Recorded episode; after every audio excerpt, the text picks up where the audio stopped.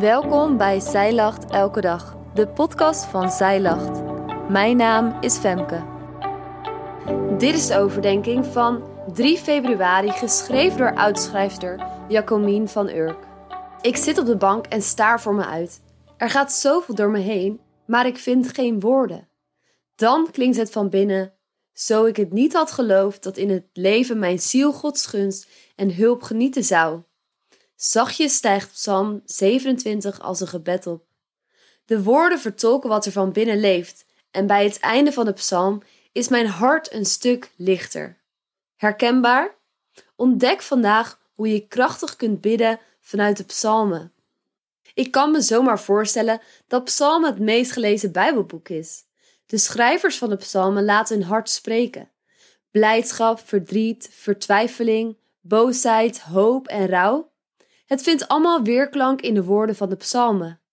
En vandaag mogen wij ons hart daarop afstemmen. In Psalm 16, vers 8 en 11b staat het volgende: Ik stel mij de Heer voortdurend voor ogen, omdat Hij aan mijn rechterhand is. Daarom wankel ik niet. Overvloed van blijdschap is bij uw aangezicht. Deel jij je hart met God? Als je antwoord nee is, wat weerhoudt je ervan om dat te doen? Een vraag die jij je vandaag aan jezelf kunt afstellen en die ik ook aan mezelf heb gesteld. Ik vind het soms heel lastig om mijn hart echt te delen met God. Een gevoel van afstand of wantrouwen kan zomaar tussen mij en God inkomen te staan. Ik kan geen woorden meer vinden en laat de stilte tussen mij en God bestaan.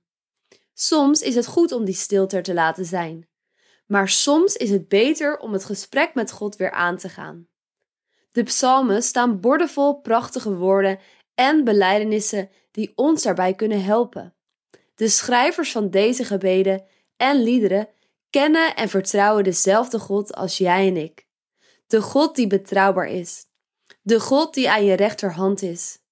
De schrijvers helpen je om woorden te geven aan wat er vandaag in jouw hart speelt. Zoals in Psalm 142, vers 3 staat: Ik stort mijn hart bij u uit. Ik vertel u al mijn moeilijkheden. De psalmen spreken niet alleen over emoties, gevoelens en gedachten van mensen. Nee, ze zijn veel meer dan dat. Ze spreken vooral ook over Gods grote daden en over hoe trouw Hij is aan zijn volk. Ze herinneren aan Gods belofte in het verleden en doen een beroep op Zijn goedheid voor de toekomst. Het zijn gebeden en liederen die Gods macht en grootheid aanbidden. Jezus zelf is het die regelmatig psalmen citeerde in zijn leven hier op aarde. De psalmen zijn eigenlijk een bron waaruit we hoop, troost en verwachting kunnen putten. Zo staat in Psalm 119, vers 50: Dit troost mij, dat uw belofte mij hoop heeft gegeven. Daarnaast kunnen psalmen ook leiding zijn voor je leven. Dit staat in Psalm 32, vers 8. Ik onderwijs u en leer u de weg die u moet gaan. Ik geef raad en mijn oog is op u. Naast dat de psalmen ons hart kunnen vertolken en Gods goedheid beleiden, kunnen ze ons ook leiden door het leven. De psalmen liggen zo dicht bij de realiteit van het leven van elke gelovige. God belooft dat Hij ons door Zijn woorden wil leiden. Zoals in Psalm 119, vers 105 staat: Uw woord is een lamp voor mijn voet en een licht op mijn pad. Je mag de psalmen bidden als vraag aan God om hulp en leiding voor jouw leven. Het zijn woorden geïnspireerd door de Heilige Geest, waar jij Amen op mag zeggen. Op 14 februari start de 40 dagen tijd. In dit leesplan, Feest van Bevrijding, volg je de Israëlieten in hun reis door de woestijn van slavernij naar vrijheid. En je ontdekt samen met de eerste volgelingen van Jezus over het leven in Gods koninkrijk. Wil jij meer toeleven naar Pasen? Bestel dan dit 40 dagen tijd leesplan via onze webshop.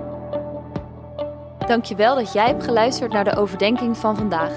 Wil je de overdenking nalezen? Check dan onze website.